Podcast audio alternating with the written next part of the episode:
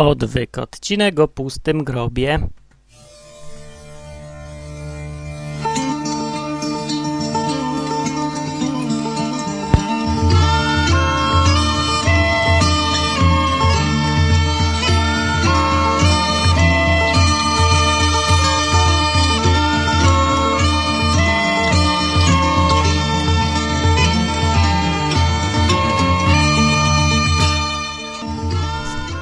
Dzień dobry, Martin Lechowicz z mikrofonem typu patyk dzisiaj, bo dzisiaj nagrywam na laptopie, bo mnie nie ma w domu w Warszawie.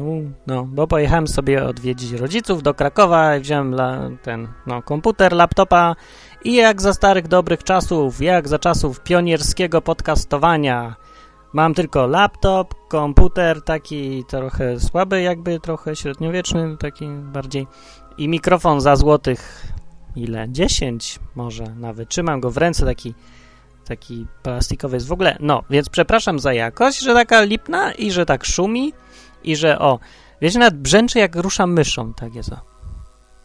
Słyszycie te brzęczenie takie? Jakby coś chrobotało. To jest mysz. Myszy chrobotają. Tak, to jest moja mysz do komputera, która chrobota. I tak, nie mam jeszcze podkładów, nic nie mam. No wiecie, taki będzie dzisiaj odcinek trochę na kolanie robiony. Właściwie to nawet haha dosłownie. Ale będzie konkretny. Dobra, w ostatnim odcinku przejdźmy do rzeczy, bo się święta zbliżają, trzeba się ten e, streszczać. A propos, to może zanim coś powiem, to ja mam wielką prośbę uprzejmą. Zwracam się z uprzejmą prośbą do wszystkich, żeby przestali mi wysyłać spam. Spam to jest niechciane coś, co ci ktoś wysyła. W tym wypadku to są życzenia. No, Wysyłają mi ludzie życzenia, no, na, na święta, których ja nie obchodzę. Bo ja nie jakoś, no za chwilę o tym powiem na przykład dlaczego. Ja ich nie obchodzę za bardzo, no wiem, że są, ale mam do nich stosunek jakiś taki sceptyczny i jakoś szczególnie mi się nie podobają ani ka kaczuszki, ani kurczaczki, ani jajka, ani nazwa Easter na przykład mi się nie podoba, bo pochodzi od pogańskiej bogini i to mi trochę nie pasuje z chrześcijaństwem i w ogóle mi się nie podoba cała ta koncepcja święta, które się ma więcej wspólnego z pogaństwem niż z chrześcijaństwem. No i więc na przykład nie obchodzę. Mogę, mogę, mogę. Teoretycznie, bo jest rozdział kościoła od państwa, też teoretyczny, ale nie mogę w praktyce, bo co chwilę mi ktoś pisze wesołych świąt, wesołego kurczaka, krowy, jajka, kiełbasy salcesonu, szynki, wesołego obżerania się, wesołego tego i tamtego. Jakbyś się ty czuł, słuchaczu, jakby ci ktoś wysyłał e, życzenia szczęśliwego ramadanu, na przykład, którego nie obchodzisz, bo nie wierzysz w Allaha na przykład, ani w islam, ale ci wysyła szczęśliwego ramadanu, szczęśliwego miesiąca bez alkoholu, nie? Albo, nie wiem, happy Hanuka ciągle by wysyłał, albo co tam, jakie jeszcze święta są? Hinduskie to nie wiem jakie. No, ale no jakby ci o Ramadanie wysyłali cały czas. No miał być dość. No powiedzmy, że to by było śmieszne, ciekawe. A co to jest Ramadan? No coś tam.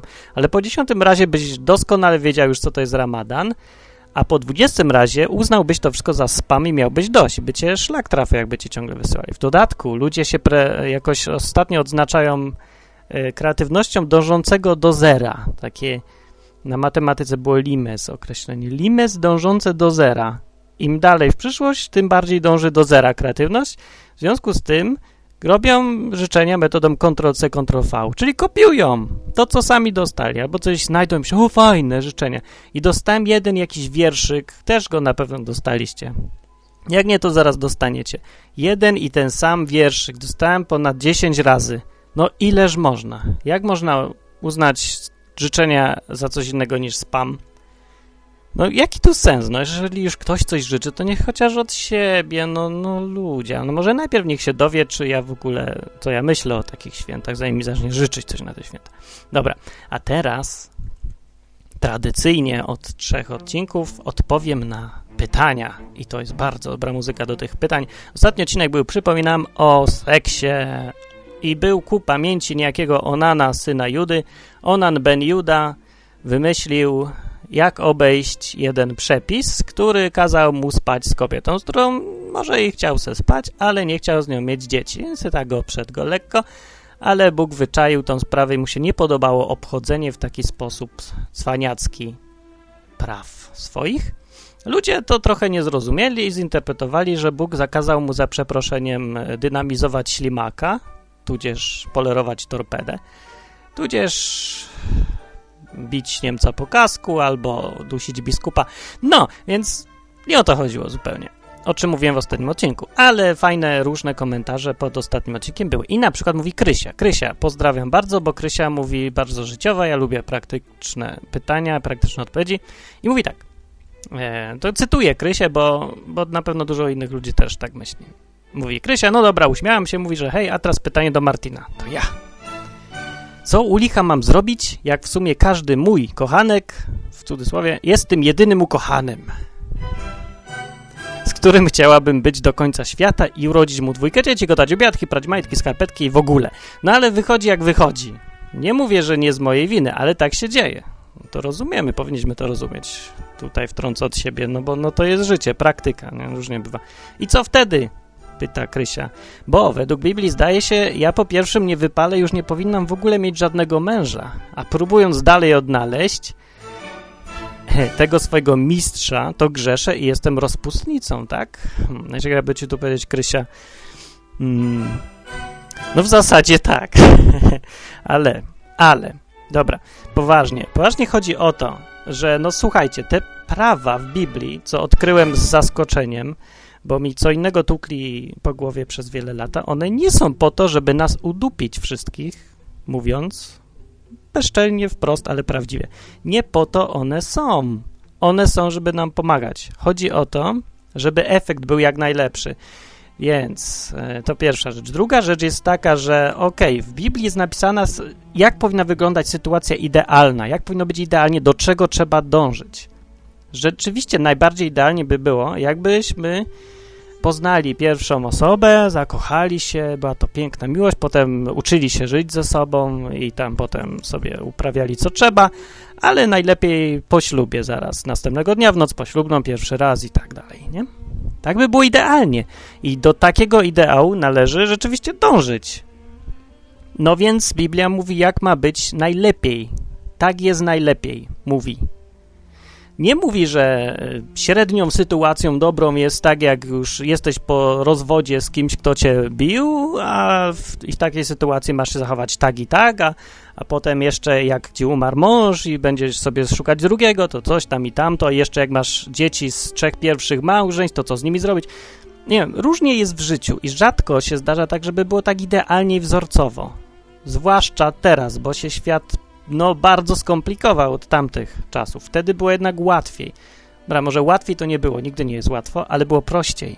Bo było prostszy układ społeczny i prostsze zasady i nie było ZUS-ów, PIT-ów i takich różnych rzeczy. Nie było telewizji, nie było mass mediów i nie żyło w jednym mieście 3 miliony ludzi, w Warszawie w okolicach na przykład, tylko w całej Europie tyle żyło. Więc było tak ogólnie prościej, nie? Teraz jest bardziej skomplikowane i trzeba to uwzględnić. I o, po co o tym mówię, takim długim wstępie?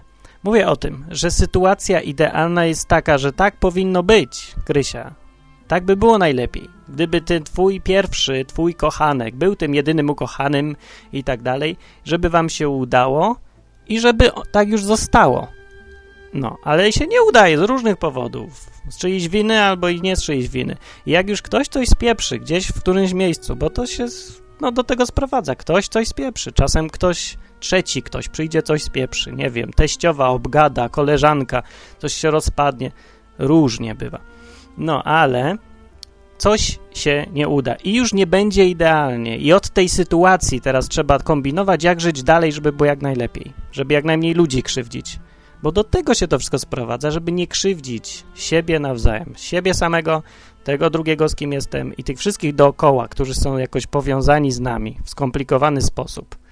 Y, no, o to w tym chodzi. Więc nie, ja nie rozpatruję każdej indywidualnej sytuacji, jak mówię, jakie są zasady, bo ja mówię, jaki jest ideał. I teraz kombinuj, jak dojść do tego, no, bo ten ideał jest rzeczywiście najlepszy dla nas i to każdy wie, to nie trzeba, to nie jest jakaś wielka, wielkie odkrycie, że najlepszą sytuacją dla człowieka jest poznać tą jedną osobę żeby to była pierwsza, zakochać się i żyć całe życie i żeby żyli długo i szczęśliwie. To jest najlepsza sytuacja. Wcale nie jest lepiej człowiekowi, jak ma pięciu, z którymi czterema mu się nie udało, chociaż może i było fajnie, tak jak Krysia pisze z poprzednimi, no było fajnie, no, ale chyba się zgodzisz ze mną, że najlepiej by było, jakby się udało z pierwszym, nie? I było już zawsze z nim na stałe. No, więc o tym mówię. I ja tutaj nie szafuję jakimiś ocenami, że ten jest rozpustnicą, źle, dobrze. No jest jak jest. Jesteśmy tu i dzisiaj i teraz i lepiej zamiast zastanawiać się, kogo potępić i w jaki sposób, jaką mu notę przyznać za życie do tej pory, lepiej się zastanowić, jak zrobić, żeby dzisiaj, tu i teraz było lepiej. Naprawić ile się da, odzyskać ile się da z tego bałaganu, który się nam narobił w życiu i od tej pory, żeby było jak najlepiej, żeby dążyć do ideału. I ja mówię, jak wygląda, jeszcze raz powtarzam, sytuacja wzorcowa, najlepsza, do której dążyć trzeba. No i jak widać, Krysi na przykład nie wyszło do końca, ale chwała Bogu, że to, że jej nie wyszło do końca, wcale nie oznacza, że wpadła w jakąś straszną katastrofę i że tak się to na złe obróciło. Ale mogło, Krysia, mogło. Udało ci się i się ciesz. Miałeś jakieś w miarę dobre masz wspomnienia z poprzednich razów? No. Dobrze, ci się udało, ale chyba się też zgodzisz ze mną, że to nie masz zamiaru popularyzować takiego życia, nie? Żeby sobie pu pusz puszczać się, żeby sobie próbować z kim się tam chce, ile razy, bo lepiej jest próbować niż mieć jednego na stałe w związku, na wyłączność. Zawsze, męża po prostu. Lepiej? No chyba nie lepiej czy nie? No ty mi powiedz, bo tam masz jakieś tam doświadczenie życiowe, to weź się podziel. No, się nie przejmuj tym, czy ktoś tam chce cię potępiać, nie chce cię potępiać.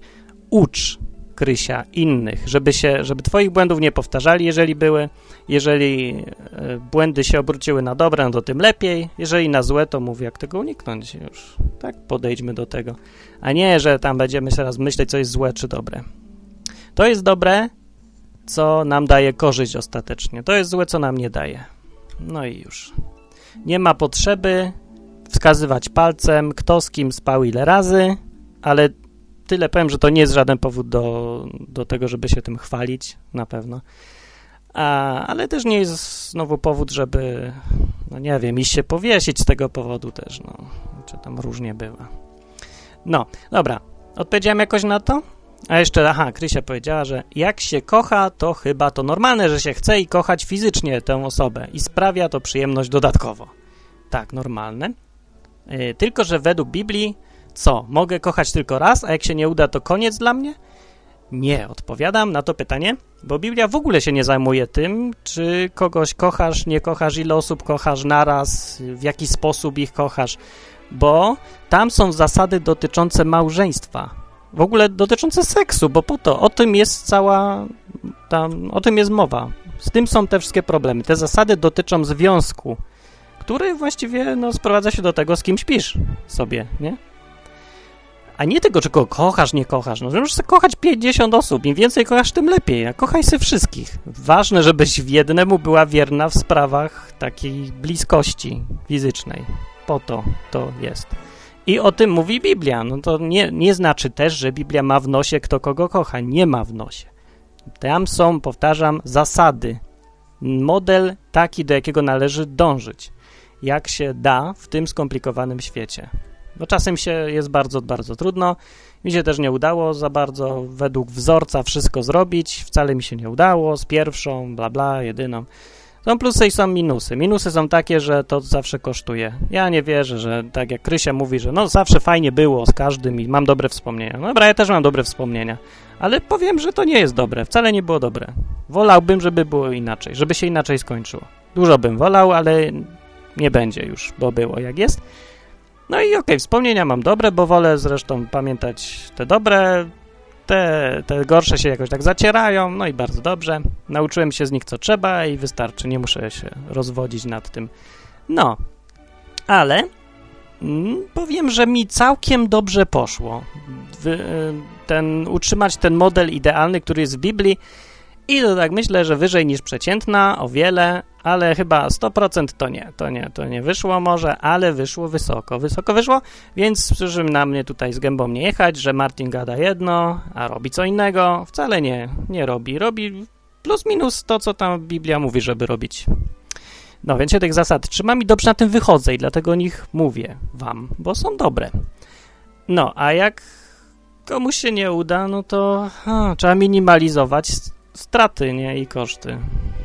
Cóż wam mogę powiedzieć. Życiowy jestem człowiek.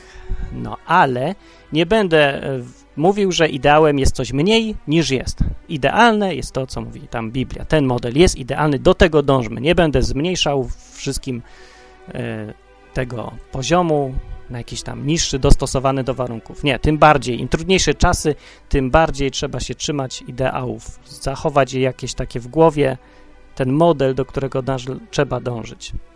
Bo on jest dobry, no on jest naprawdę dobry, najlepszy.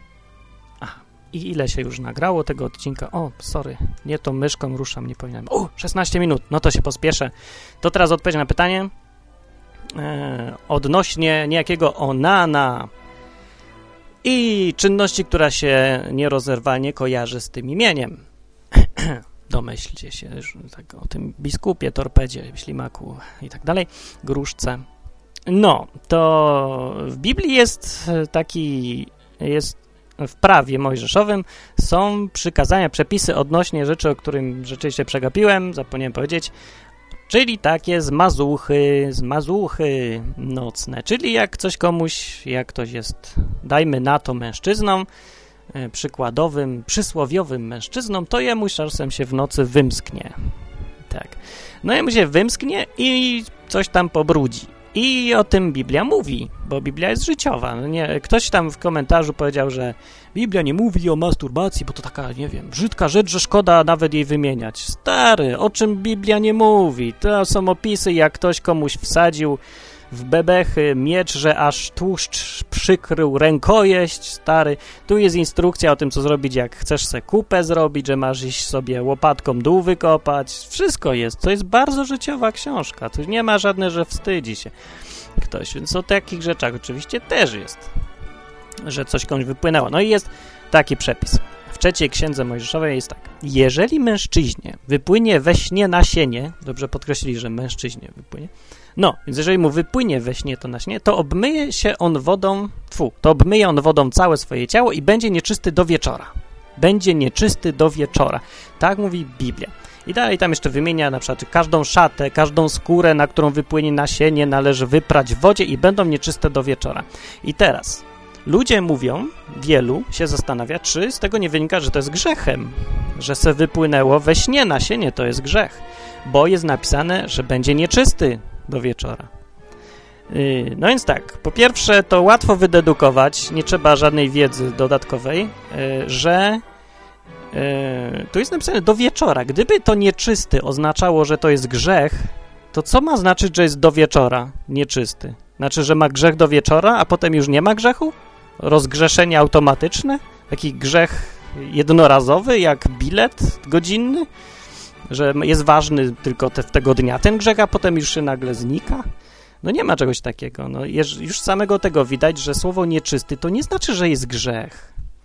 A innym argumentem za tym przemawiającym o, jaka ładna muzyczka jest to, że no macie inne tutaj przepisy, przykazania prawa dotyczące nieczystości. Ich jest bardzo dużo i jest wszędzie użyte to słowo nieczystość i sobie zawsze, możecie przeczytać, w tej trzeciej księdze mojżeszowej, koło 15 rozdziału, okolice, tam ciągle tych czystościach, nieczystościach jest i macie inny przykład. Mam, jeżeli na przykład tu, jeżeli mężczyzna obcował z kobietą, a miał upływ nasienia, to oboje obmyją się wodą i będą nieczyści do wieczora.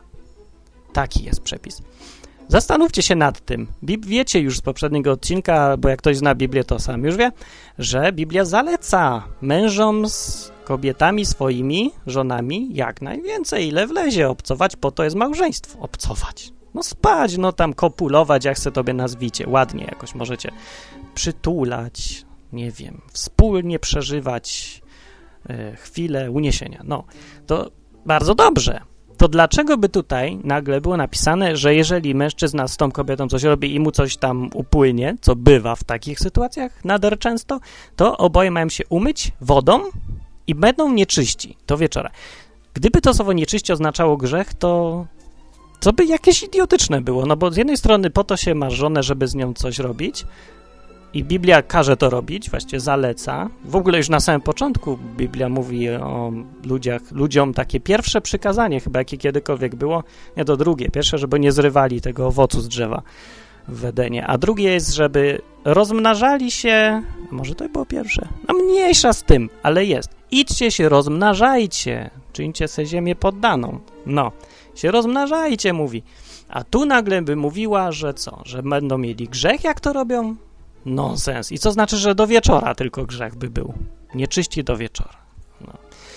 Albo dalej mają, jeżeli kobieta ma krwawy upływ, a jest to zwykłe krwawienie z jej ciała, no miesiączkę ma po prostu, to będzie 7 dni swojej nieczystości i każdy, kto się jej dotknie, będzie nieczysty do wieczora. To samo. No na to, to już człowiek, kobieta nie ma wpływu, że ma miesiączkę, no hello. I czemu miałby to być grzechem? To też przecież kompletny nonsens. To taki grzech, który niezależny od woli jest, to każdy miał. To przepraszam, to Maria, matka Jezusa też miała. No, jakby to był grzech, to co? Koniec z tym, niepokalane poczęcie i takie tam. Nie ma zawsze dziewica. Znaczy nie, nie ma, że bez grzechu pierworodnego jakieś tam dziwne są, nie? Zasady, że miała. Nie, po prostu nieczystość to nie jest grzech. Nieczystość to jest nieczystość. To jest takie sformułowanie w Biblii używane, które ma powiedzieć, że to ma, ten człowiek ma pozostać w izolacji, ma nie dotykać innych, ma, no tak przeczekać, aż będzie czysty, no. Taka jakby izolatka. W ogóle te wszystkie przykazania, co przecież widać wyraźnie, one dotyczą higieny tylko i wyłącznie. I rzeczywiście się sprawdzały przez te wszystkie wieki. Wtedy ludzie tam nie mieli aż takiej wiedzy.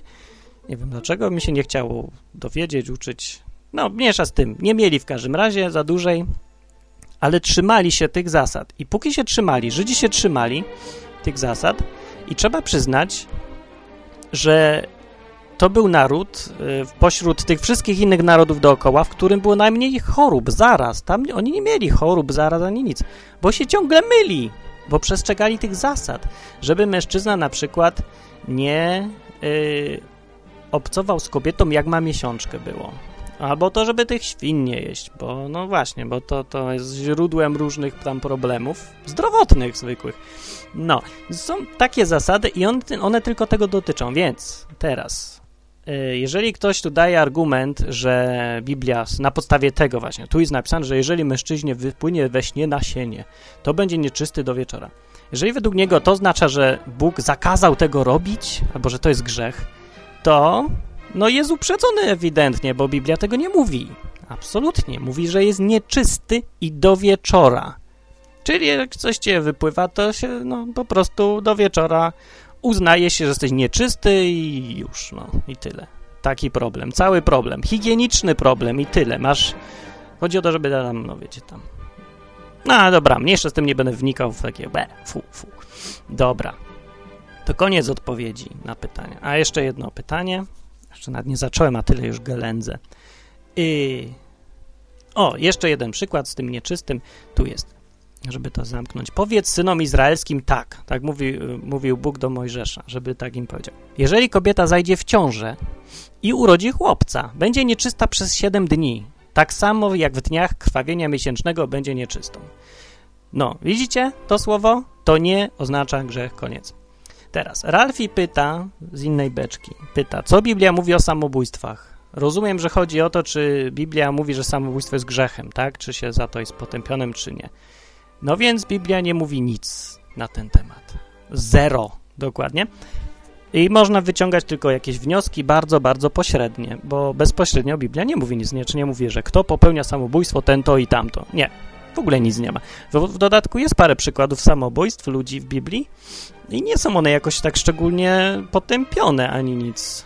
To raczej po prostu jako taki fakt, jako informacja jest, ale nie ma żadnej y, takiej oceny moralnej, czy to dobre, czy nie. Po prostu jakby taka konieczność była. Kiedyś Saul na przykład, y, jak już był ranny w bitwie, to pokazał swojemu Giermkowi, czy tam komuś, żeby się dobić.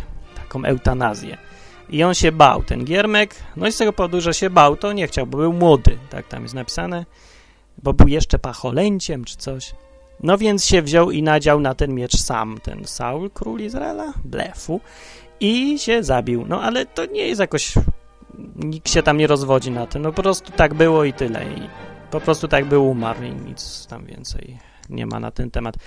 No, a co do tego, że samobójcy nie pójdą do nieba, czy jakieś takie opowieści, to już chyba mówiłem w ostatnim odcinku, czy w przedostatnim, o tym, że według Biblii w ogóle do nieba się nie idzie za uczynki, więc to też temat jest bez sensu, zadawać sobie takie pytanie. No. Nie idzie się za uczynki, idzie się, bo się wierzy w Jezusa. A jak się chce iść za uczynki, to według Biblii trzeba być idealnym i przekaza, prze, przestrzegać wszystkich przykazań. Tak to mówię. No, ale to, to nie mówiłem o tym, mówiłem. Czy nie mówiłem, czy komuś innemu mówiłem, bo ja już nie wiem, co w którym odcinku było. To teraz by wypadało zrobić taką przerwę. Ale nie mam jingla ani nic. Mam jingla? Poszukam jingla. Dobry jest taki przerywnik czasami, nie? Nie, nie mam. Nie mam, bo jak mówię, to wszystko jest w laptopie. Dobra, to ja zacznę temat. Strasznie dziwnie się nagrywa na laptopie. Nie mam nawet myszy, znaczy mam, ale nie mogę ruszać, bo brzęczy, tak? Brzy, brzy, brzy. Dobra, to dzisiaj tak chciałem powiedzieć o zmartwychwstaniu, bo ludzie wierzą w różne dziwne rzeczy, yy, nie wiedząc, czy one, skąd one się wzięły w ogóle. A ponieważ ten podcast jest o Biblii głównie, to ja po prostu chciałem powiedzieć, co jest w Biblii, a czego nie ma. I znalazłem, zacząłbym, nie, zacznę od zmartwychwstania, bo jakoś się pomija to, ten drobny incydent, że według Biblii Jezus umarł i zmartwychwstał. I w ogóle trzeba sobie uświadomić, jak bardzo to jest ważne dla tego całego chrześcijaństwa, tej koncepcji, tego systemu wierzeń, kościoła i wszystkiego. Powiedzmy, w skali od 1 do 10, jak byś umieścił, jak ważne jest to, że Jezus zmartwychwstał, wiara w to. No, masz tu teraz dwie sekundy. Jeden to jest, że no, zupełnie błahe, 10 e, to, że jest najważniejsze, kluczowe. No, więc ile? Chwila ciszy, chwila szumu z mikrofonu. Ja bym sobie odkasznął na boku. No to teraz mówię, jak według Biblii, jakie to ma znaczenie według Biblii, bo jest napisane tak. Uwaga, mówię, skala ważności zmartwychwstania jest 10. Tak, według Biblii to jest absolutnie kluczowe i tutaj przeczytam kawałek. Pierwszy list do Koryntian. To są mieszkańcy Koryntu. Y, córy Koryntu i synowie Koryntu. W 15 rozdziale pierwszego listu tak to jest napisane. No, bo to pisał apostoł Paweł i polemizował z ludźmi, którzy twierdzą, że w ogóle zmartwychwstania nie ma. Mówią, że nikt nie zmartwychwstaje, że nie ma czegoś takiego. To saduceusze, zdaje się, w tamtych czasach uważali że chyba, że nie ma zmartwychwstania. No więc czytam, mówi tak. Jeśli się o Chrystusie opowiada, że został z martwych wzbudzony, jakże mogą mówić niektórzy między wami, że zmartwychwstania nie ma? Mówi. Bo jeśli nie ma zmartwychwstania, to i Chrystus nie został wzbudzony. A jeśli Chrystus nie został wzbudzony, wtedy i kazanie nasze daremne, daremna też wasza wiara. Wówczas też bylibyśmy y, fałszywymi świadkami bożymi, bo świadczyliśmy o Bogu, że Chrystusa wzbudził, którego nie wzbudził, skoro umarli nie bywają wzbudzeni. Logiczne. Jeśli bowiem umarli nie bywają wzbudzeni, to i Chrystus nie został wzbudzony. Jeszcze raz to mówię. A jeśli Chrystus nie został wzbudzony, daremna jest wiara wasza. Jesteście jeszcze w swoich grzechach. Mówi tak. Zatem i ci, którzy zasnęli w Chrystusie, poginęli. No. I dalej jeszcze mówi na koniec. Jeśli tylko w tym życiu pokładamy nadzieję w Chrystusie, jesteśmy ze wszystkich ludzi najbardziej pożałowania godni. O, i taką opinię ma wielu ateistów też, że chrześcijanie są pożałowania godni. E, a jednak, mówi na koniec, po tym samym wywodzie, a jednak Chrystus został wzbudzony z martwych i jest pierwiastkiem tych, którzy zasnęli. No. Znaczy, on pierwszy zmartwychwstanie, jakby taki, no, my pójdziemy za nim i też zmartwychwstaniemy kiedyś, no, w lepszym świecie. Coś takiego. No i tu jest takie zdanie, dwa razy powtórzone, że jeżeli Chrystus nie zmartwychwstał, nie został wzbudzony, daremna jest nasza wiara i jesteśmy dalej w swoich grzechach i musimy, no i mamy problem. No. Czy to nie jest ważna informacja? To zdecydowanie wynika z tego, że to jest bardzo kluczowa sprawa. I teraz wielu różnych ateistów, nieateistów przegapia ten, tą jedną ważną rzecz, że żeby być w zgodzie ze swoim rozumem, żeby być racjonalnym ateistą, uznać, że Boga nie ma, jakieś tam chrześcijaństwo można o kant wiadomo czego rozbić, to trzeba coś zrobić w umyśle z tym faktem, czy Jezus zmartwychwstał, czy nie. E, no bo patrzcie, jeżeli Ten Jezus rzeczywiście żył, to wiemy, to jest na pewno, nie mam co udowadniać, mogę w którymś odcinku poczytać. A nie, chyba był jakiś odcinek na temat tego, czy Jezus żył. Zresztą to łatwo sprawdzić. To jest postać historyczna na pewno. Jeżeli umarł, nie, jeżeli najpierw chodził po ziemi i twierdził, że jest Synem Bożym, twierdził. Wiadomo, co twierdził, nie? Mniej więcej, kim jest, wiadomo. Że jest Mesjaszem i tak dalej, że tam każdy, kto w niego wierzy, to po śmierci będzie żył i tak dalej, on tak różne opowiadał. I potem umarł. E, czyli można stwierdzić, że a tam se gadał, se pogadał. No, człowiek jak człowiek, różni tacy byli, prorok, dobry człowiek, no tam ten Mohamed też gadał, też umarł i, i Zaratustra umarł i wszyscy umarli. No. I Je Jeszua ben Josef też żył, gadał, gadał, był dobrym człowiekiem, fajny był, uzdrawiał, prorok i umarł. Okej, okay, to by było wszystko normalne, w porządku, nie ma problemu. Ale jeżeli zmartwychwstał, to wtedy sprawa się trochę robi inna, bo czymś takim udowodnił, że jest kimś więcej niż człowiekiem, zdecydowanie. Jeżeli gość nie umiera, znaczy umiera, a potem nagle żyje, jeżeli tak naprawdę było, to no jest problem. No nie można tak po prostu zignorować tego faktu, bo to jest ewidentny dowód, że ten ktoś jest tym, za kogo się podawał. No, zdecydowanie. No ja już nie mogę sobie wyobrazić lepszego dowodu. Jak inaczej Bóg, który byłby człowiekiem, mógłby udowodnić, że jest tym, kim jest? No chyba tak, że się go zabija, a on znowu ożyje. No to jest największy dowód, jaki jest możliwy. No, większego się nie da i jeżeli tak było, to nie można być ze spokojnym sumieniem ateistą, bo nie można twierdzić, że Boga nie ma, skoro był jakiś facet, który umarł, po czym żyje. Mówi, twierdził, że zna Boga, że jest Synem Bożym, że tam wie, co trzeba robić i mówi, opowiada. I mówi, wierzcie we mnie, że jestem tym, kim jestem, Mesjaszem. Po czym umiera, jego zabijają, a on zmartwychwstaje i mówi, że jestem większy niż śmierć. No to hello.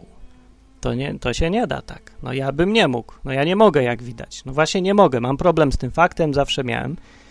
No muszę uznać wobec faktów, że rzeczywiście zmartwychwstanie miało miejsce. No i o tym chciałem mówić w tym odcinku, ale że jest on jakiś długaśny się robi, to nie wiem, czy powiem w końcu. No. Yy, pytanie jest kluczowe. Czy Jezus rzeczywiście zmartwychwstał? I ha, jest parę takich typowych, standardowych argumentów, teorii, wyjaśniających to, czy, no, no, że, no, znaczy one miały wytłumaczyć, że Jezus był zwykłym takim człowiekiem i tak naprawdę nie zmartwychwstał, tylko ktoś, co tam dorobił teorię i tutaj nie wiadomo po co właściwie, bo przecież się, nie wiem, po to, żeby co, założyć religię nową? No trochę głupi argument, zważywszy na to, że ci wszyscy założyciele poginęli na krzyżach, oprócz jednego, yy, i całe życie ich prześladowali, nic z tego nie mieli, i oddali życie za ewidentne kłamstwo. No to bez sensu. Kto tak robi? Nikt tak nie robi. Nigdy nikt tak nie robił. W żadnej sprawie, w żadnej religii to w ogóle sprzeczne z naturą człowieka. To jest nonsens. To by wszyscy musieli być wariatami jakimiś. E, no, ale to, to jakaś słaba teoria jest. Ale no, no nie wiem, no można spróbować wytłumaczyć to tak, że to byli fanatycy. Uczniowie Jezusa byli fanatykami. Kiedy już umarł, e, to na przykład, nie wiem, wykradli ciało, albo no nie wiem, co innego mogli zrobić. No właśnie, pytanie jest, jak inaczej wytłumaczyć to, że tego Jezusa nie było po śmierci trzy dni później, nie było go w grobie. No nie było go, bo ten grób wiadomo gdzie był, każdy mógł sprawdzić, nikt nie zdementował, nawet jego wrogowie. Oni dają największy dowód tego, że rzeczywiście grób był pusty. Jezus miał wrogów wszędzie. W ogóle, no właściwie, skoro go skazali na śmierć, to raczej dowodzi, że to byli tacy przeciwnicy chyba religijni. Oni mieli władzę, oni mieli wpływy. Jeżeli oni nie potrafili dowieść, że Jezus tam dalej umarł i jest martwy, pokazać ciało, proszę bardzo, jaki zmartwychwstał, tu jest ten facet, znaczy jego kości, to co po nim zostało. No. Jeżeli tego nie zrobili, to jest dosyć niepokojące, nie? Widocznie, co uznali, że też zmartwychwstał? No musieli. Nie, tak naprawdę według relacji yy, są dwie relacje, no jest, są cztery, które ma, uznano za najbardziej wiarygodne one są w Biblii. To są cztery Ewangelie. Każda z nich kończy się, ostatni fragment, to jest opis tych właśnie wydarzeń, tego jak umarł i co się działo potem. No. Yy, I ten moment jest absolutnie kluczowy. To jest najważniejsza część całej tej historii Jezusa. Wszystko wcześniej to tam uczył, mówił róbcie to, róbcie tamto, ale to jest mniejsza z tym. Najważniejsza jest relacja z procesu, ze śmierci i z tego, i no, to opowiadanie, że potem zmartwychwstał. I skąd to niby wiadomo? Te różne, tych różnych ludzi, którzy go ponoć widzieli, nie? Yy, a było ich sporo. W jednym miejscu jest napisane, że któregoś w jednym przypadku 500 ludzi naraz go widziało. No to taka zbiorowych halucynacji nie ma, dla, jak 500 osób je ma. No, w ogóle nie jak może być zbiorowa halucynacja. E, taka, że to samo ludzie widzą, no to już nie jest, nie jest halucynacja. to jest dowód, że coś rzeczywiście jest. No, ale widziało ich bardzo dużo ludzi, jego, po tym jak już umarł i zmartwychwstał niby, to go widziało dużo, dużo świadków i ci świadkowie potwierdzili tą autentyczność tego, umierając za to. Nie wyparli się żaden z nich. Nie wyparł się tego, że wiecie co, dobra, zmyśliliśmy, tylko mnie nie krzyżujcie. Nikt nie powiedział, nie krzyżujcie mnie, ja to zmyśliłem. Wszyscy mówili do samego końca, tak, ja widziałem tego Jezusa, jak już zmartwychwstał.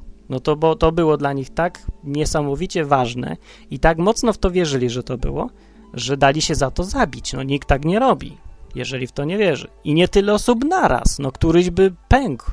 Tym bardziej, że nic z tego nie miał. Po co by to miał robić? Po co miałby kłamać? Nonsens.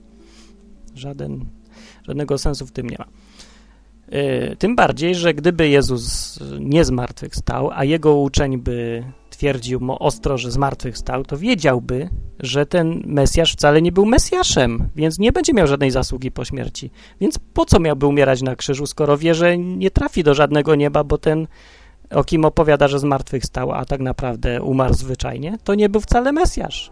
No, nic takiego znowu nie zrobił. No. I umiera niepotrzebnie. No to każdy by zmiękł, no hello. Ja bym zmiękł, bo to by był już nonsens. Trzymać się kłamstwa, no ja rozumiem dla jakiejś korzyści, ale bez żadnej korzyści, no to nie. Jeszcze się poddawać torturom i umierać bez żadnej korzyści, ani na tym świecie, ani na przyszłym. Nie. To jest, dowodów jest kupa i są bardzo mocne. Jak odpowie człowiek, który nie wierzy w to, że Jezus zmartwychwstał, na relacje tych świadków? No, ja przypominam, że Ewangelię weźmy sobie Łukasza i Jana.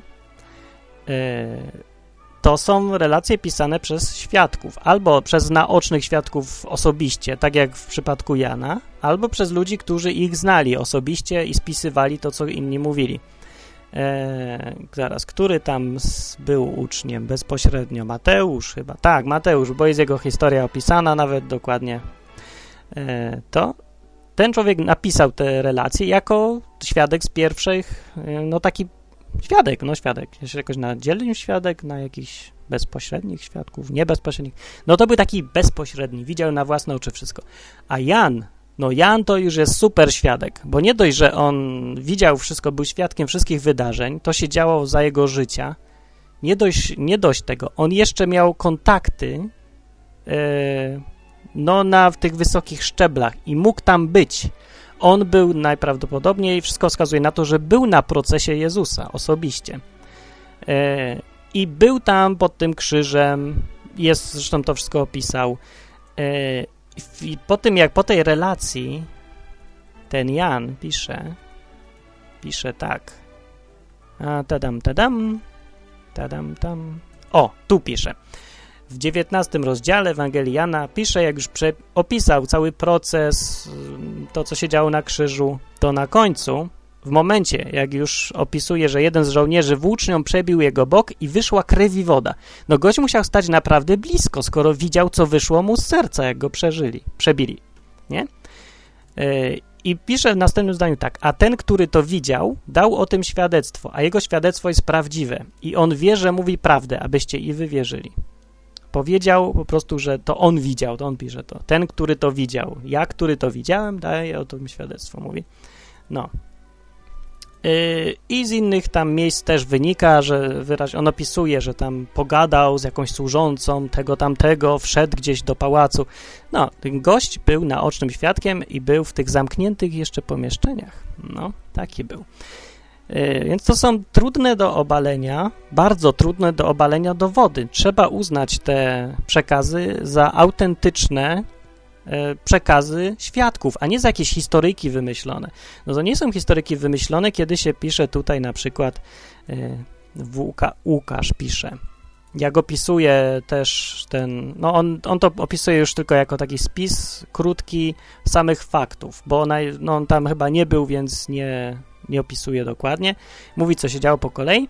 I na przykład pisze w którymś momencie na końcu, że oto mąż imieniem Józef, człowiek rady, członek rady Sanhedrynu, mąż dobry i sprawiedliwy z żydowskiego miasta Arimatia, który się nie zgadzał z, postawieniami, z postanowieniami rady i z ich postępkiem, oczekiwał Królestwa Bożego, przyszedł do Piłata i poprosił o ciało Jezusa, mówi.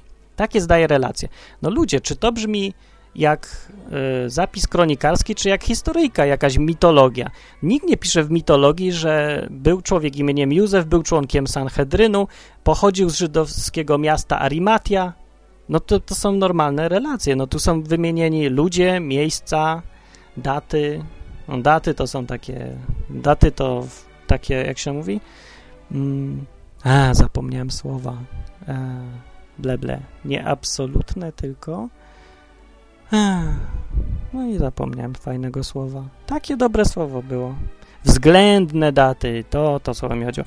Względne daty, względem, e, no tam się wtedy datował także za rządów, e, na przykład piątego roku panowania cesarza tego i tamtego, działo się to i tam. Tak się to wtedy datowało, według względnie, mm, no według dat panowania tego i tamtego. A, dobra, mniejsza z tym, co ja tam będę wam gadał.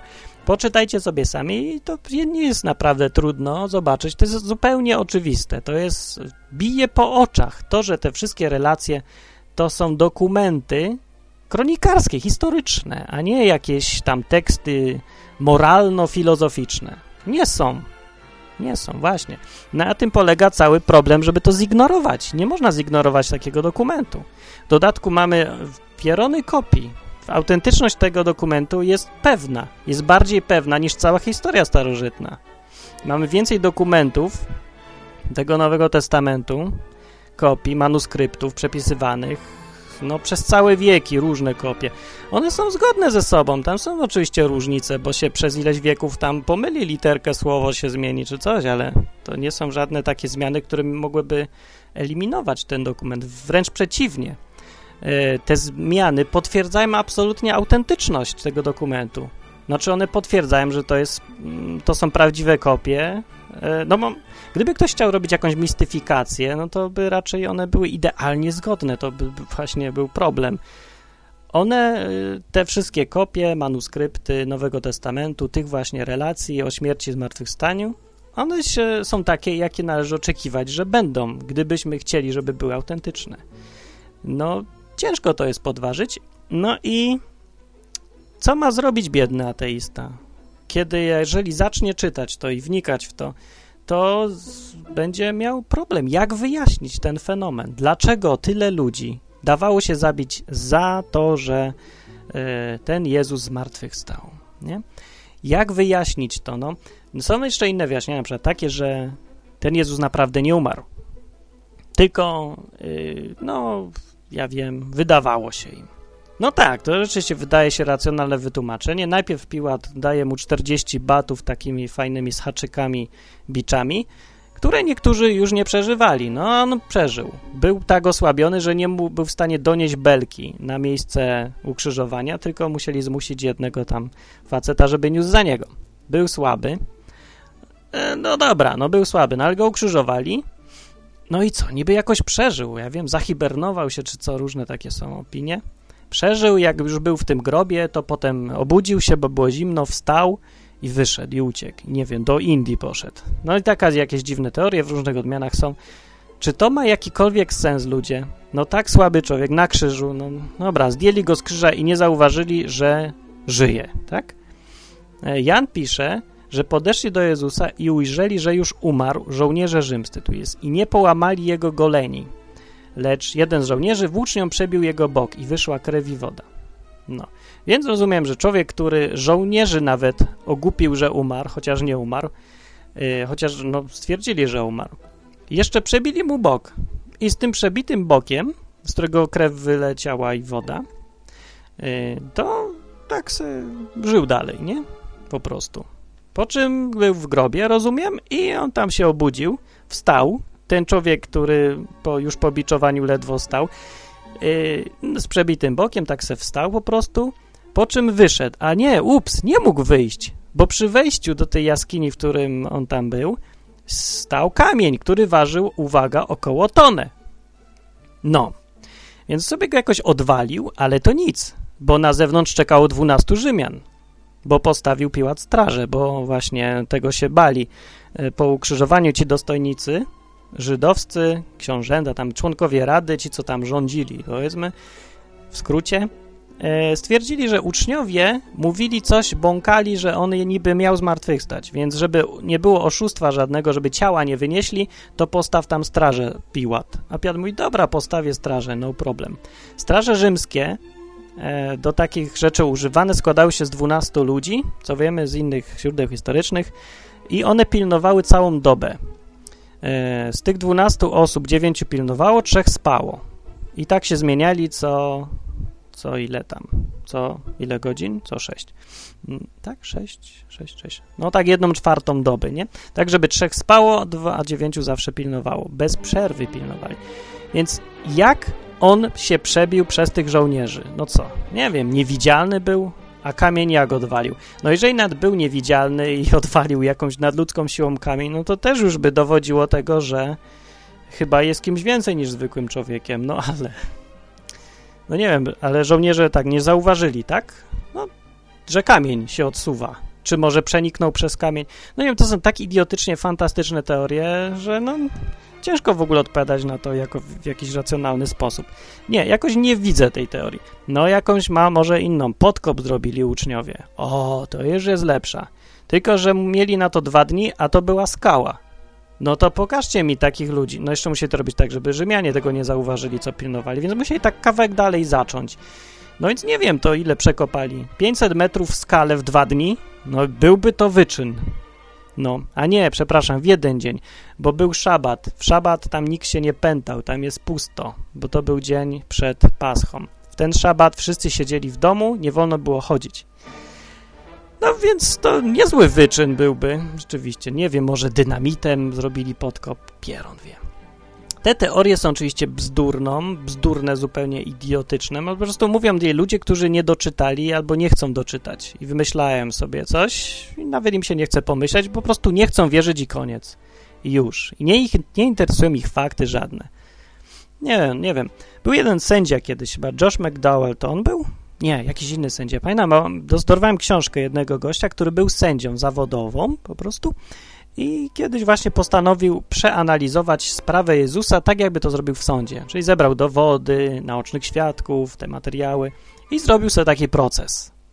I po procesie wyszło mu, że to jest tak ewidentne, że musiał zmartwychwstać ten Jezus, że gość został chrześcijaninem, no bo nie miał innego wyjścia. Po prostu musiał coś z tym faktem zrobić. Wszystkie dowody wskazują bardzo mocno na to, że rzeczywiście to miało miejsce. No tak, no i w związku z tym, że, to tak będę kończył, w związku z tym teraz ludzie, że mamy to dziwne święto, tego nie obchodzę z powodu tego, że to już nie ma chyba nic wspólnego. No dobra, ma to tam, no, w ogóle Wielkanoc się wzięła, jak wiecie pewnie, jak nie wiecie, to, to dziwne, że nie wiecie jeszcze, wzięła się z pomieszania yy, no nie, z domieszania chrześcijaństwa do różnych pogańskich świąt, które się mniej więcej w tym okresie działy y, i miały to, były to święta na cześć zupełnie innych bogów i no, i nic właściwie nie miały wspólnego z chrześcijaństwem, ale były podobne. I te podobieństwa wykorzystano, żeby zrobić jakąś religię taką ogólnoświatową i wymyślić sobie Wielkanoc, wymyślono w czasach, jak powstawał Kościół katolicki w tych wszystkich swoich strukturach i był, stawał się religią taką oficjalnie w Rzymie jedyną.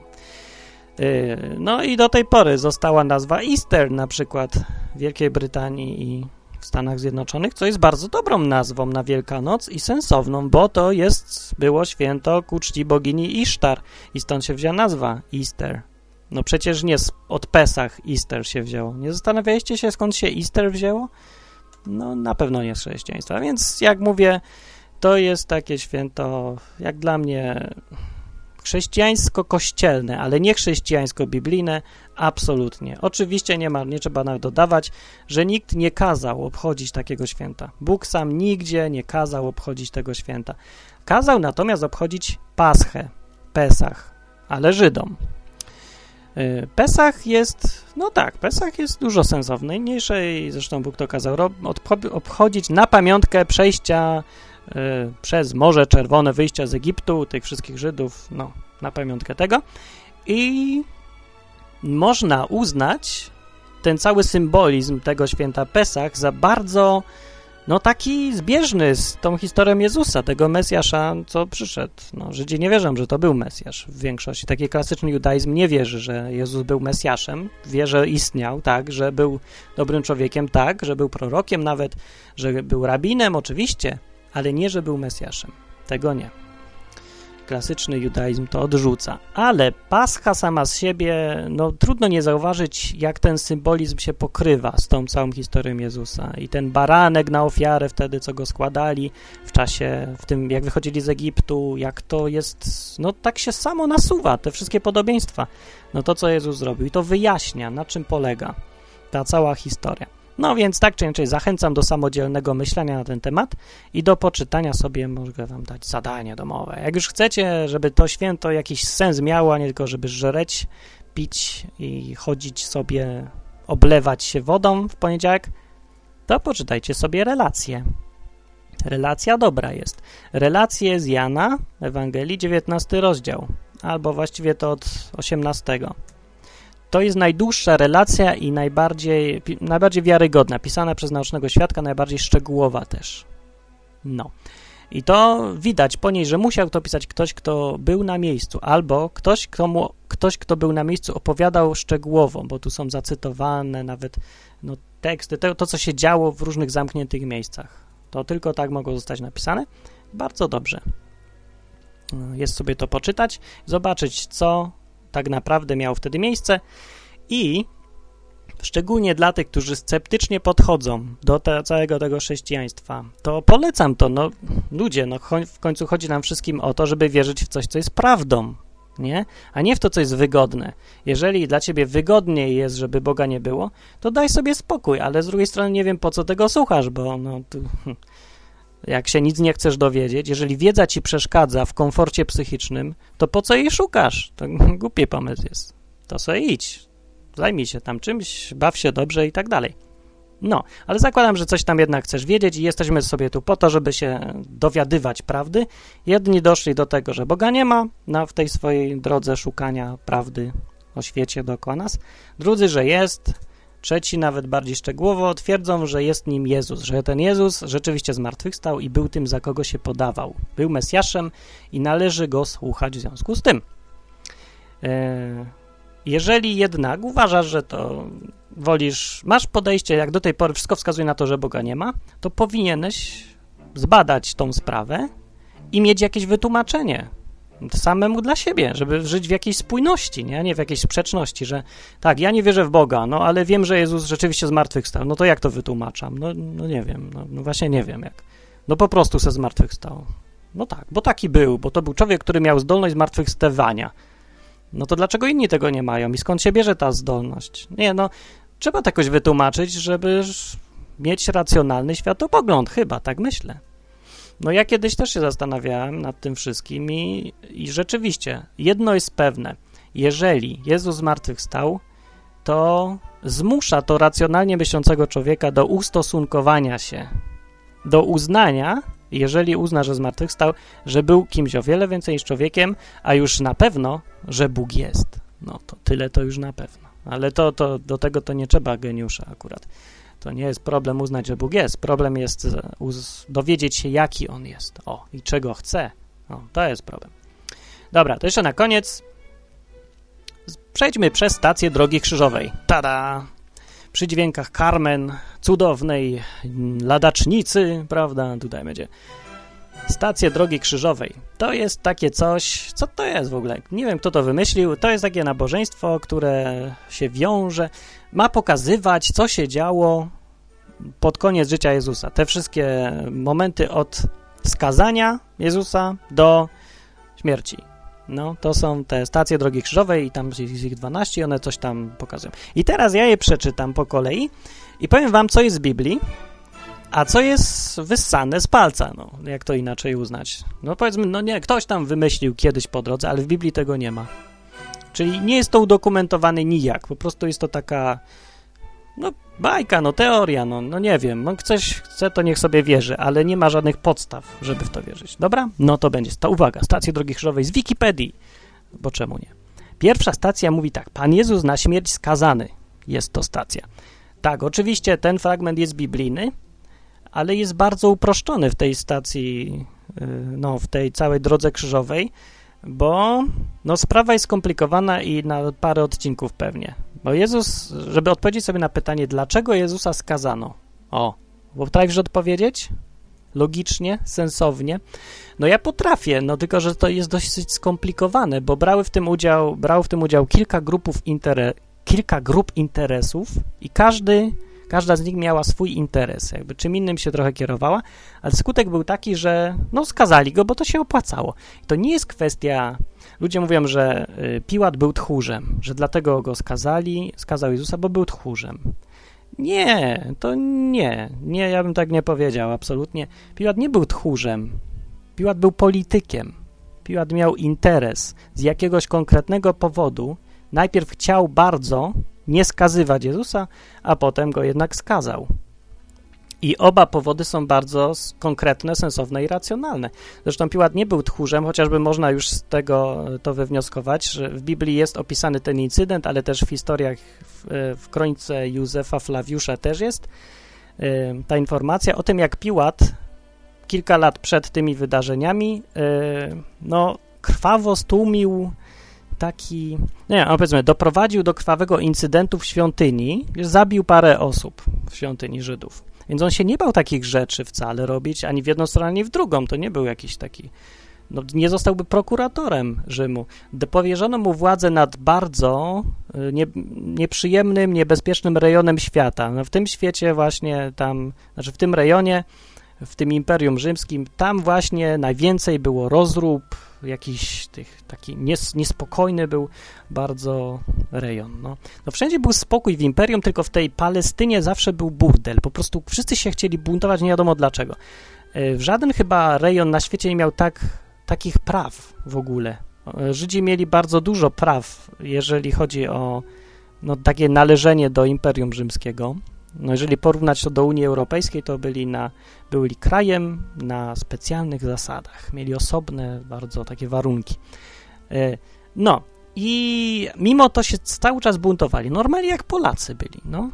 Powstania, nie powstania, nie lubili Rzymian strasznie. A nie wiadomo dlaczego, bo znowu aż tak to nie byli uciskani strasznie przez tych Rzymian. No. Dużo plusów mieli. No, mniejsza z tym. Y, w każdym razie Piłat nie, nie był tchórzem, był politykiem. Najpierw bardzo starał się wypuścić Jezusa z politycznego powodu. Po prostu został ostrzeżony, że jeszcze jeden taki numer jak wtedy w tej świątyni, że stłumi krwawo coś i wywoła zamieszki, to go wywalą ze stanowiska. I zresztą go wywalili potem. Dokładnie za to właśnie. Więc tym razem bardzo chciał tego uniknąć i mu się udało. Zachował stanowisko przez jakiś czas jeszcze. E, w końcu go wypuścił, no dokładnie z tego samego powodu. Chciał uniknąć zamieszek i zachować stanowisko. No to się stąd brał, nie z tchórzostwa, tylko z polityki. No, on dbał bardziej o swój własny interes niż o jakąś prawdę, sprawiedliwość, takie rzeczy. Taki świat jest, bardzo realistycznie. No, do tej pory nic się nie zmieniło zupełnie.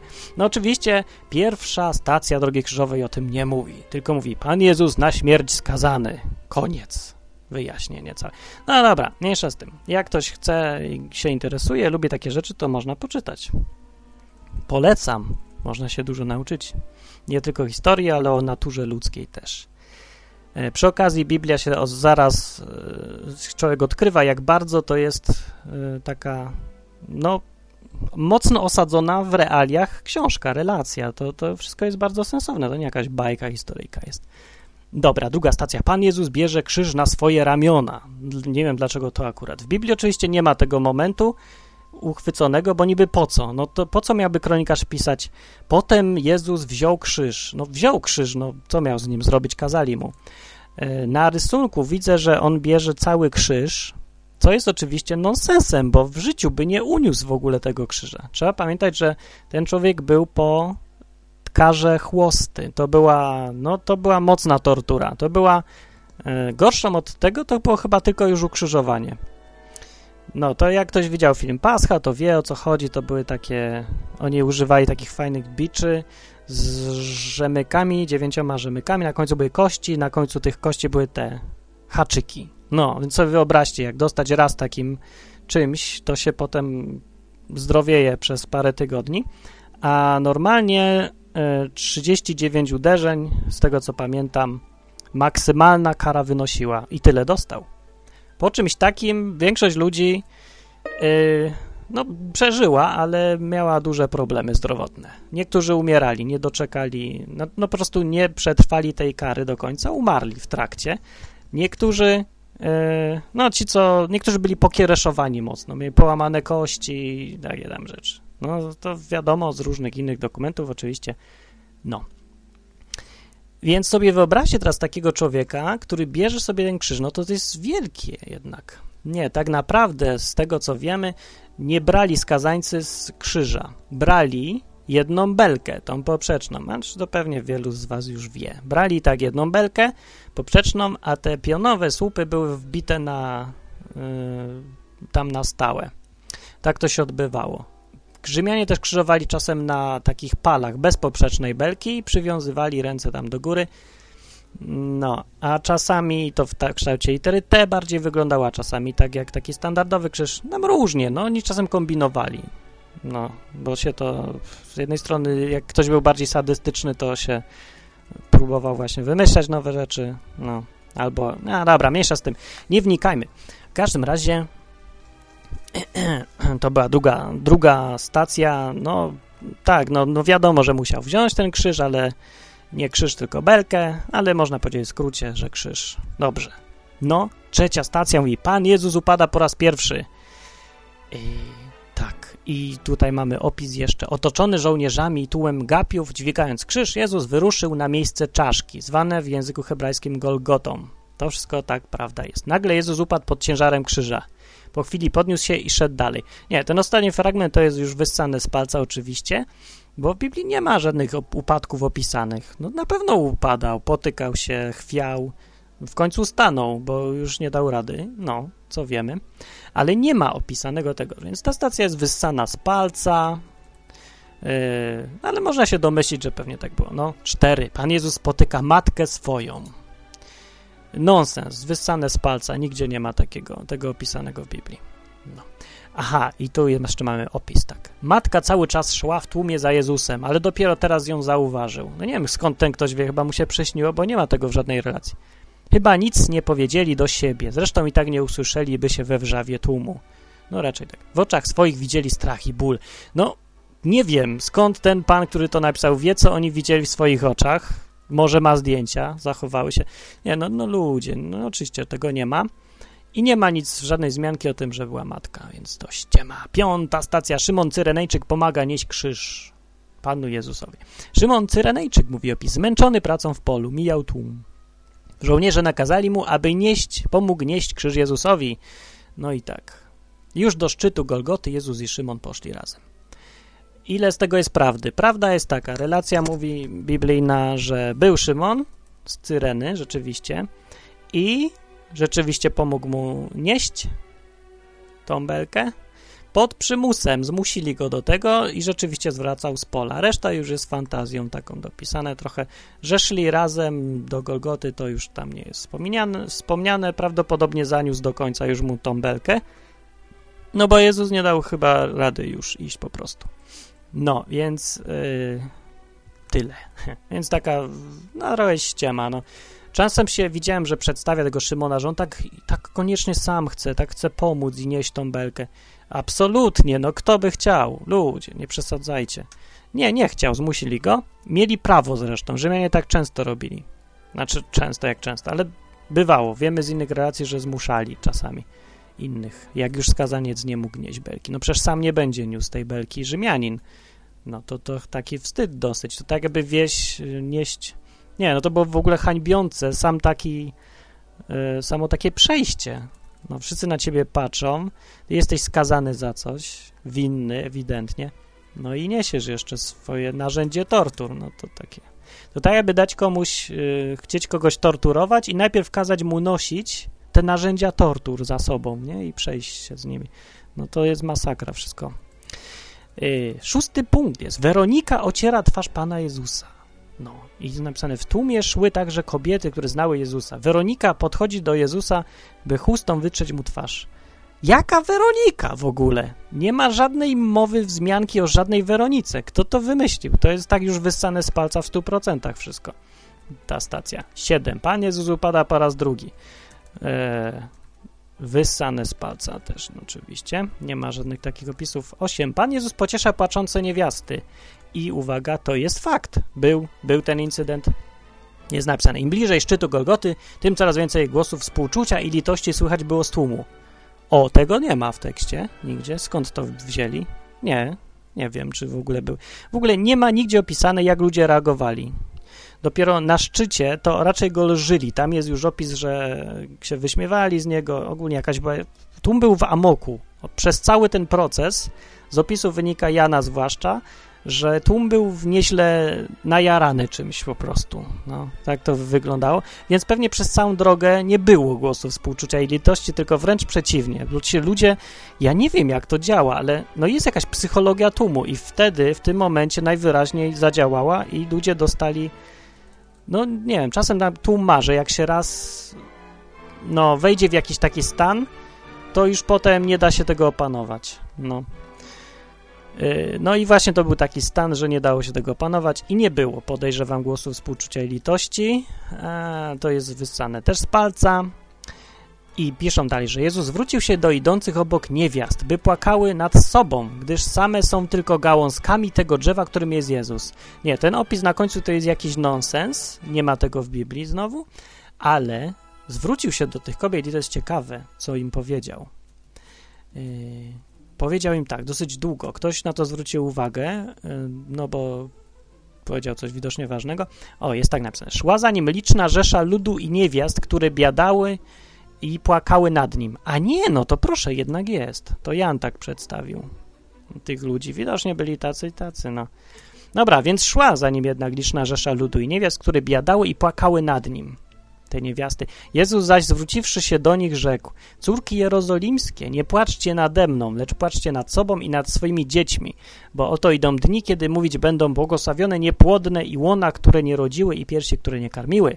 Wtedy zaczną mówić do gór padnijcie na nas, a do pagórków przykryjcie nas, gdyż jeśli się to dzieje na zielonym drzewie, to co będzie na suchym?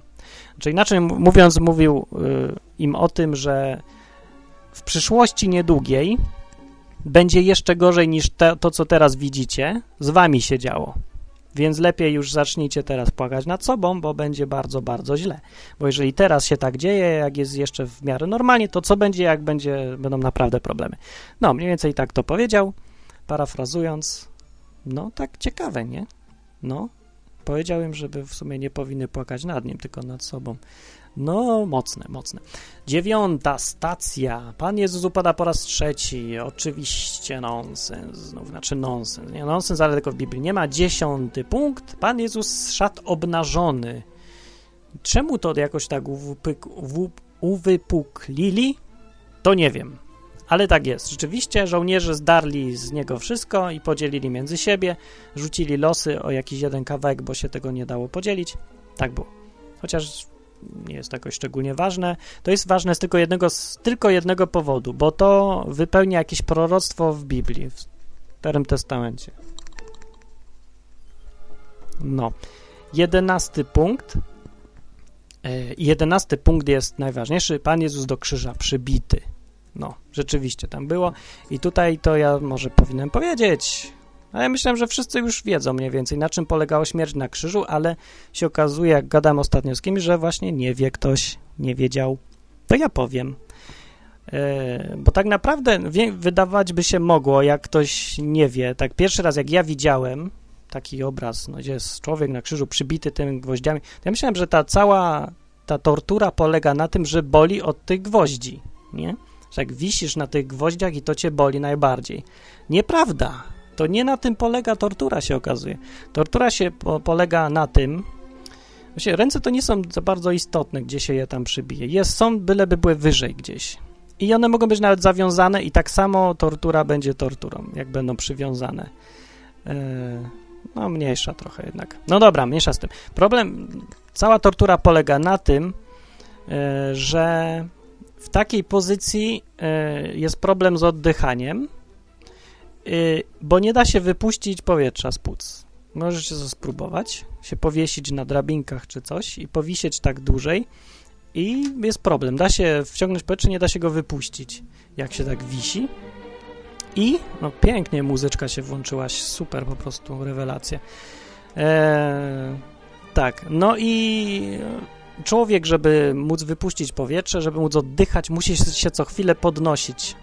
I żeby się podnosić, to nie na tych rękach się podnosi oczywiście, bo to naj głupszy pomysł, tylko nogami się podnosi. Ale tak czy inaczej, jakby się nie podnosił, no to wyobraźcie sobie, jak ktoś na gwoździach jest zawieszony i musi się podnosić jeszcze sam, żeby oddychać.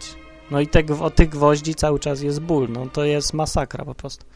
I nie, że to trwa chwilę, parę razy, tylko całe dni się tak wisi. I cały, o, cały czas trzeba oddychać i przy każdym oddechu cię boli. I musisz to robić z własnej woli, bo inaczej się udusisz. No to jest masakryczna tortura. To jest, na tym polega cały problem.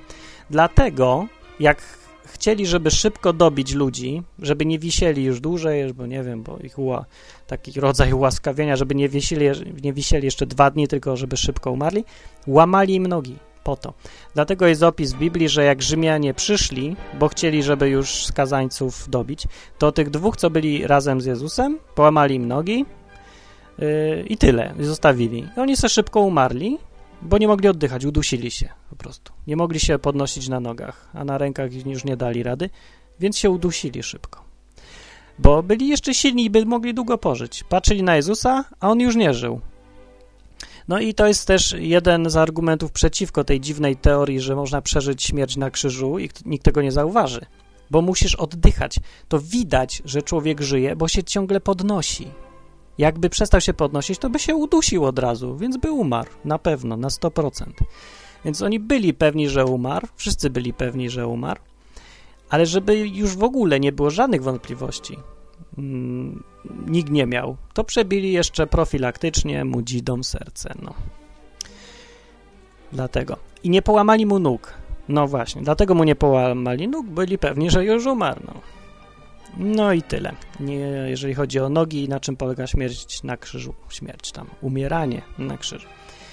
E, no i tak, ta stacja oczywiście jest. A nie, to jest 13 stacji? To ja się pomyliłem.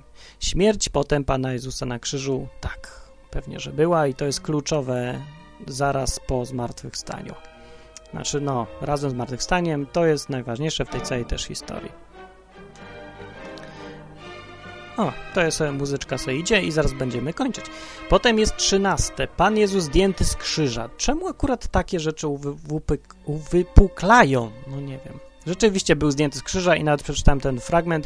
Józef, Józef Sary Matei, jakiś człowiek tam, członek też Rady, który wniósł wotum separatum i nie chciał go zabijać, to on to załatwił z Piłatem po znajomości. No, był znanym takim gościem.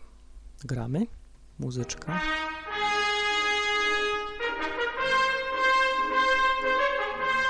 Tak, kończymy sobie powoli. Rzeczywiście to było i 14 Pan Jezus złożony do grobu. Był złożony do grobu w skale. Rzeczywiście, tak jak tu piszą, zawinęli go w, tak jak się zawijało w płótno. E, tak. Przed wejściem Potem położyli taki kamień, nie położyli, wtoczyli. To się tak toczy, bo takie okrągłe. Wtaczano to, no bo jak to nowy kamień ktoś miał dźwigać? No nikt nie dźwigał tego. Wtoczyło się tak, nie? No od środka się tego nie dało popchnąć, od zewnątrz też nie dało popchnąć, trzeba było przetoczyć. Dlatego potem jak kobiety chciały po szabacie przyjść, odwiedzić go tam w grobie i tak dalej, no, to miały problem, bo się zastanawiały, kto im odwali kamień i tak gadały o tym kamieniu ze sobą. Przyszły, a kamień był odwalony, a żołnierzy nie było. No. No, ale i tak poszły. Nie no, dobre były te kobiety rzeczywiście. Potem, e, tak, i jeszcze byli następnego dnia, przypomnieli sobie o tym zmartwychwstaniu Rzymianie i, i ci dostojnicy żydowscy, no i postawili jeszcze strażę i pieczęć Cezara, która równie skutecznie chroniła, bo złamanie jej groziło karą śmierci wraz z rodziną. Taka sprawa. No, więc okej. Okay. Mamy teraz mniej więcej prawdę o śmierci zmartwychwstaniu, i to, co jest istotne, co jeszcze mogę powiedzieć, co jeszcze mogę powiedzieć. Właściwie już powiedziałem wszystko, strasznie długi znowu odcinek wyszedł. Ciekawe, czy nudny, czy nie. Za długi dziś był, a to przez te może komentarz na początku. Yy, no, co do śmierci zmartwychwstania, trzeba pamiętać o tym, że dla chrześcijaństwa to jest najważniejsze, kluczowe, waga tego wynosi 10 na 10, tego zmartwychwstania. Odpowiedź na pytanie, czy Jezus zmartwychwstał, czy nie, właściwie dla racjonalnie myślącego człowieka, uczciwie myślącego człowieka szukającego prawdy, jest równoznaczna z pytaniem, czy jestem chrześcijaninem. Jeżeli uznasz, że Jezus zmartwychwstał, to musisz też uznać konsekwencję tego faktu, a konsekwencją jest to, że rzeczywiście był tym, za kogo się podawał, udowodnił. To jest dowód. Pokonał śmierć. No, Zwykły człowiek nie pokonuje śmierci. Tego to się nie zdarza. Nie ma, nie znamy nikogo wokół siebie, kto tak zrobił. Nie mamy żadnego przykładu, przykładu żadnego innego człowieka, który to zrobił. Coś takiego. Po takiej śmierci, ewidentnie, no, no śmierć już taka, że się gorszej chyba nie da. Zniknął nagle. I nie da się tego wytłumaczyć, chociaż dużo ludzi próbowało, zwłaszcza na początku, robili co mogli, żeby udowodnić, że nie zmartwychwstał. Nikomu się to nie udało. Ludzie oddawali za to życie. No to jest wszystko przekonujące bardzo. Yy, no właśnie, no więc co powiecie na to? Zastanówcie się teraz, bo są święta. Jeżeli jakikolwiek ma być z nich pożytek, to niech będzie chociaż taki, że się zastanowimy nad tym, czy Jezus umarł, czy zmartwychwstał. Jaki to może mieć wpływ na nasze życie dzisiaj. O! Bo dzisiaj mówiłem o tym, co mówi Biblia na temat zmartwychwstania i śmierci Jezusa, a ja jestem Martin i przepraszam, że mówię takim złym mikrofonem, ale tak myślałem, że coś powiem, bo już dawno nie nagrywałem. Czytajcie, wchodźcie na stronę www.odwyk.com, możecie kupić płytkę też czasem. Tyle.